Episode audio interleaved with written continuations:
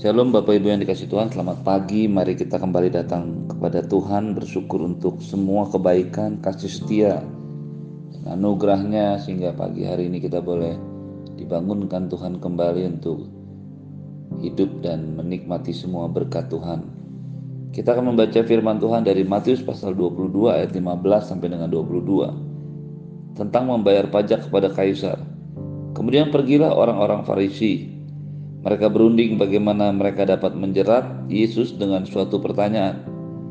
Mereka menyuruh murid-murid mereka bersama-sama dengan orang-orang Herodian bertanya kepadanya, "Guru, kami tahu engkau adalah seorang yang jujur dan dengan jujur mengajar jalan Allah, dan engkau tidak takut kepada siapa pun juga, sebab engkau tidak mencari muka. Katakanlah kepada kami pendapatmu, apakah diperbolehkan membayar pajak kepada kaisar atau tidak?" Tetapi Yesus mengetahui kejahatan hati mereka, lalu berkata, "Mengapa kamu mencobai aku, hai orang-orang munafik? Tunjukkanlah kepadaku mata uang untuk pajak itu." Mereka membawa satu dinar kepadanya. Maka ia bertanya kepada mereka, "Gambar dan tulisan siapakah ini?" Jawab mereka, "Gambar dan tulisan kaisar." Lalu kata Yesus kepada mereka, Berikanlah kepada kaisar apa yang wajib kamu berikan kepada kaisar, dan kepada Allah apa yang wajib kamu berikan kepada Allah. Mendengar hal itu, heranlah mereka, dan mereka pun meninggalkan Yesus lalu pergi.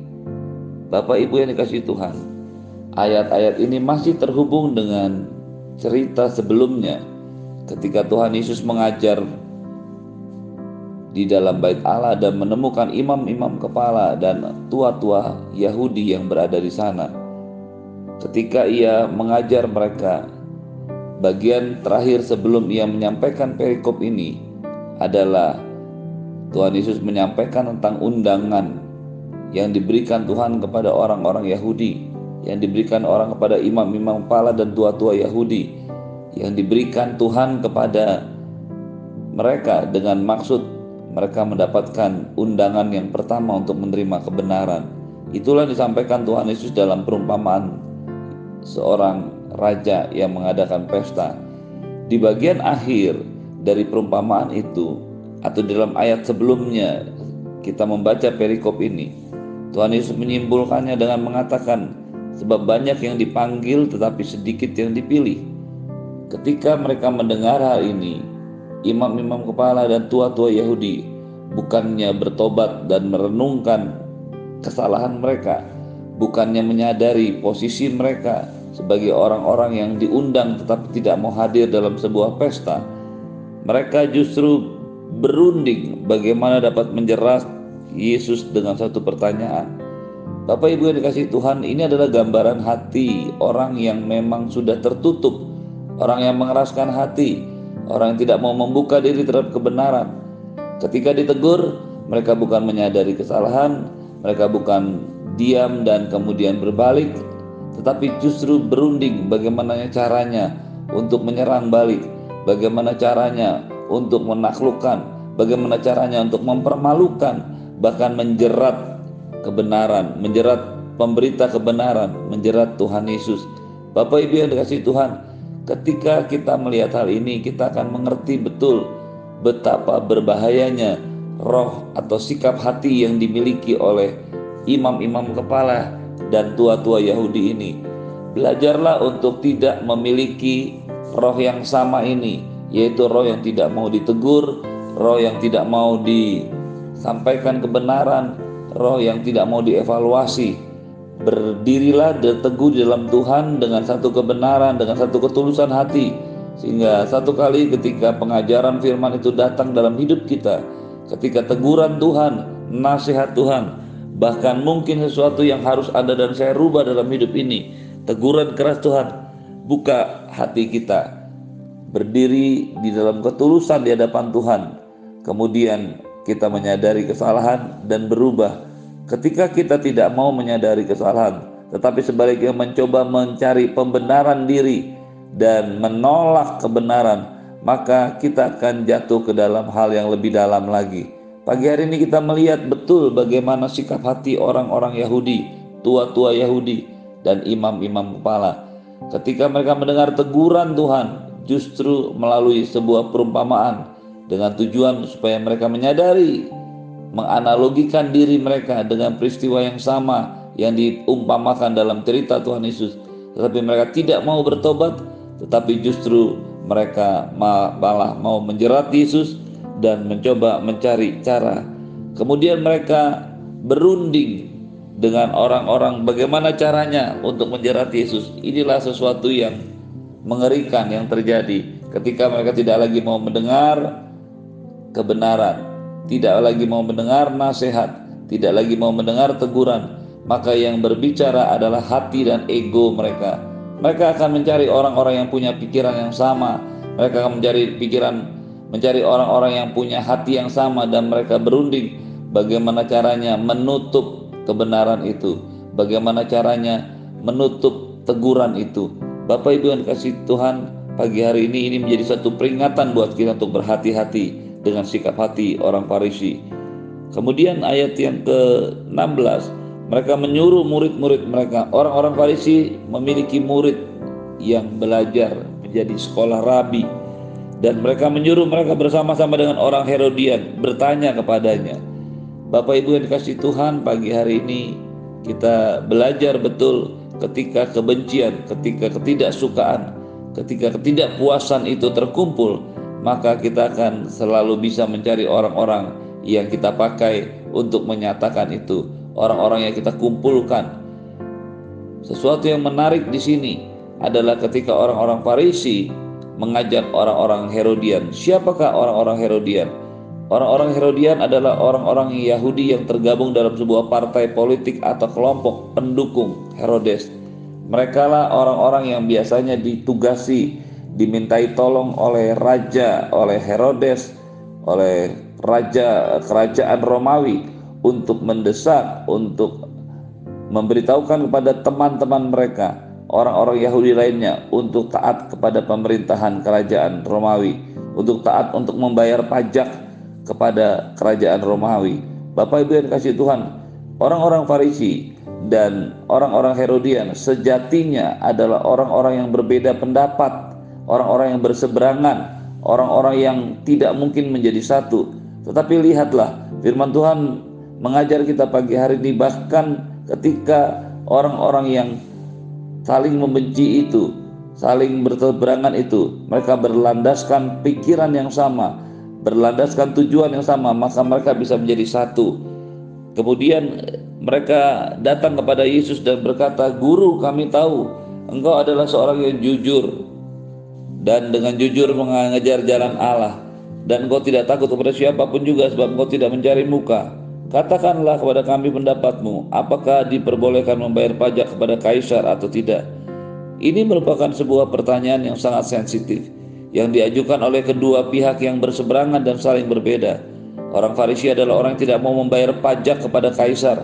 Mengapa mereka tidak mau membayar pajak kepada kaisar? Karena mereka sejatinya tidak menerima dengan tulus, tidak menerima dengan sadar bahwa kerajaan Yahudi, kerajaan Yehuda sudah ditaklukkan oleh kerajaan Romawi.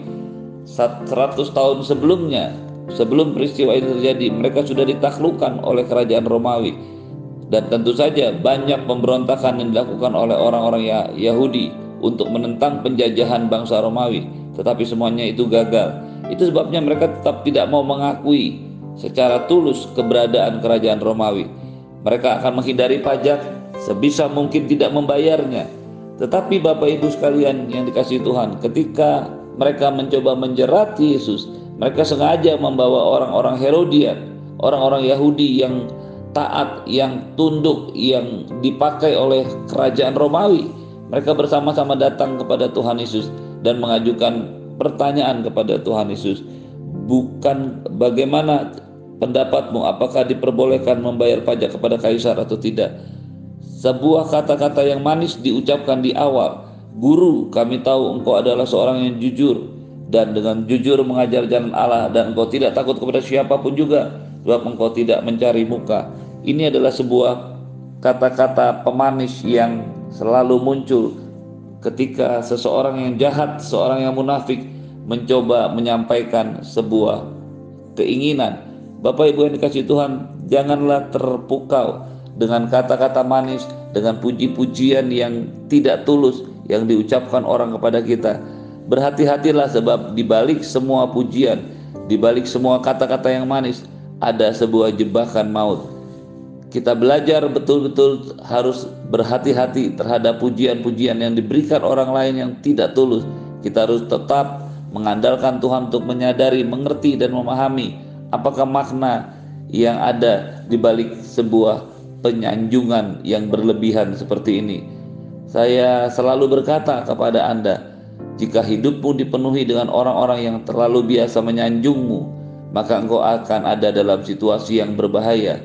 Tapi engkau akan aman jika di sekelilingmu adalah orang-orang yang mengasihimu dan berani menyatakan dengan tegas, berani dengan menyatakan dengan benar kesalahanmu sehingga kita perlu belajar dikelilingi dengan orang-orang yang biasa berani untuk mengoreksi kita. Lihatlah apa yang dilakukan oleh murid-murid orang Farisi dan orang Herodian. Mereka menyanjung Yesus dengan kata-kata yang manis, walaupun dalam hati mereka mereka tidak pernah mengakui itu. Mereka mengucapkan tetapi tidak dengan tulus mengakui. Mereka melihat tapi tidak dengan tulus berserah dan menyerahkan penilaian itu kepada Tuhan. Bapak Ibu yang kasih Tuhan, ketika Tuhan Yesus mendengar pertanyaan itu, dia tahu bahwa dia sedang coba dijebak. Yesus mengetahui kejahatan mereka lalu berkata, "Mengapa kamu mencobai aku, hai orang-orang munafik?" Dengarkanlah apa yang dikatakan Tuhan Yesus. Dia sadar betul akan bahaya penyanjungan yang berlebihan. Bapak Ibu yang dikasih Tuhan, berhati-hatilah sekali lagi dengan semua sanjungan yang tidak tulus. Jika ada orang menyanjungmu dengan tulus, terimalah dengan hati terbuka tapi jika ada orang-orang yang menyanjungmu secara berlebihan, kita harus berhati-hati sebab di balik semua itu ada sebuah jebakan yang ingin diberikan kepada kita. Yesus tahu hal itu dan dia berkata, "Mengapa kamu mencobai aku, hai orang-orang munafik? Tunjukkanlah kepadaku mata uang untuk pajak itu." Mereka membawa kepadanya satu dinar kepadanya. Bapak Ibu yang dikasih Tuhan, perhatikan baik-baik. Tuhan Yesus menunjukkan kepada mereka bertanya kepada mereka, "Tunjukkanlah kepadaku mata uang untuk membayar pajak itu."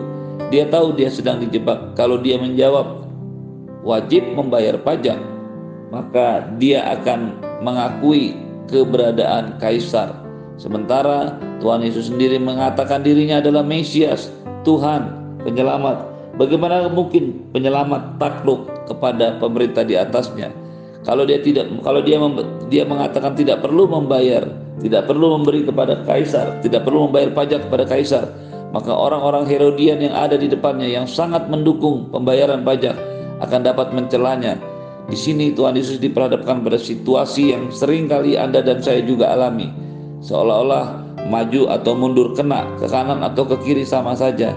Tapi lihatlah hikmat Allah yang tersembunyi yang ada dalam pikirannya. Dia menjawab, maka ia berkata, Kata Yesus kepadanya, "Berikanlah kepada kaisar apa yang wajib kamu berikan kepada kaisar dan kepada Allah apa yang wajib kamu berikan kepada Allah." Ketika dia ditanya, "Bolehkah seseorang membayar pajak?" Ya. Dia menjawab, "Berikanlah kepada kaisar apa yang wajib kau berikan kepada kaisar." Bapak Ibu yang dikasih Tuhan, Yesus tidak sedang berbicara tentang membayar pajak walaupun itu yang ditanya tetapi dia sedang membicarakan sebuah kebenaran lain yang itu memberikan kepada kaisar apa yang wajib kaisar terima, apa yang wajib kita berikan kepada kaisar. Dengan cara ini Yesus ingin menyatakan dia tidak mau dia tidak tertarik dengan pembahasan mengenai pembayaran pajak, tetapi dia berbicara tentang sebuah ketaatan, sebuah sikap hati. Berikanlah kepada kaisar apa yang wajib kau berikan kepada kaisar Mengapa Anda dan saya harus membayar pajak? Mengapa Anda dan saya harus taat kepada pemerintahan?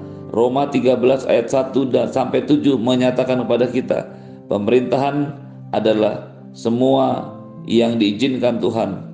Tidak ada pemerintahan yang tidak berasal dari Allah. Yang kedua, kita takluk, belajar taat dan tunduk di bawah otoritas karena kita masih hidup di dunia ini. Kita hidup di dalam kerajaan, kita hidup di dalam bangsa, kita harus taat kepada pemerintah yang ada di atasnya. Dan itu adalah bagian daripada bentuk ketaatan kita kepada Tuhan. Ketika Anda dan saya belajar taat kepada pemerintah yang kelihatan, kita sedang belajar taat untuk taat juga kepada Tuhan. Itu sebabnya ketika Tuhan Yesus menjawab, "Berikanlah kepada kaisar apa yang wajib kamu berikan kepada kaisar dan berikanlah kepada Tuhan apa yang wajib kamu berikan kepada Tuhan." Kita punya dua kewajiban. Kita harus memberikan apa yang harus kita berikan kepada pemerintah, kepada negara, kepada bangsa yang tempat di mana Anda dan saya tinggal dan kita juga wajib memberikan kepada Tuhan apa yang wajib anda dan saya berikan kepada Tuhan. Dengan ini Tuhan Yesus menyatakan kita masih punya kewajiban juga kepada Tuhan. Sesuatu yang Anda dan saya harus berikan, sesuatu yang harus Anda dan saya serahkan kepada Tuhan. Itulah yang harus Anda dan saya juga kerjakan dan berikan hari-hari ini. Terimalah berkat yang berlimpah-limpah dari Bapa di surga, cinta kasih dari Tuhan Yesus penyertaan yang sempurna dari Roh Kudus menyertai hidupmu hari ini, menjauhkanmu dari semua mara bahaya, sakit penyakit, virus, bakteri, COVID-19, apa pun Kecelakaan tidak akan pernah menyentuhmu. Di dalam nama Tuhan Yesus semua yang percaya katakan amin. Shalom, selamat pagi, selamat beraktivitas. Tuhan Yesus memberkati.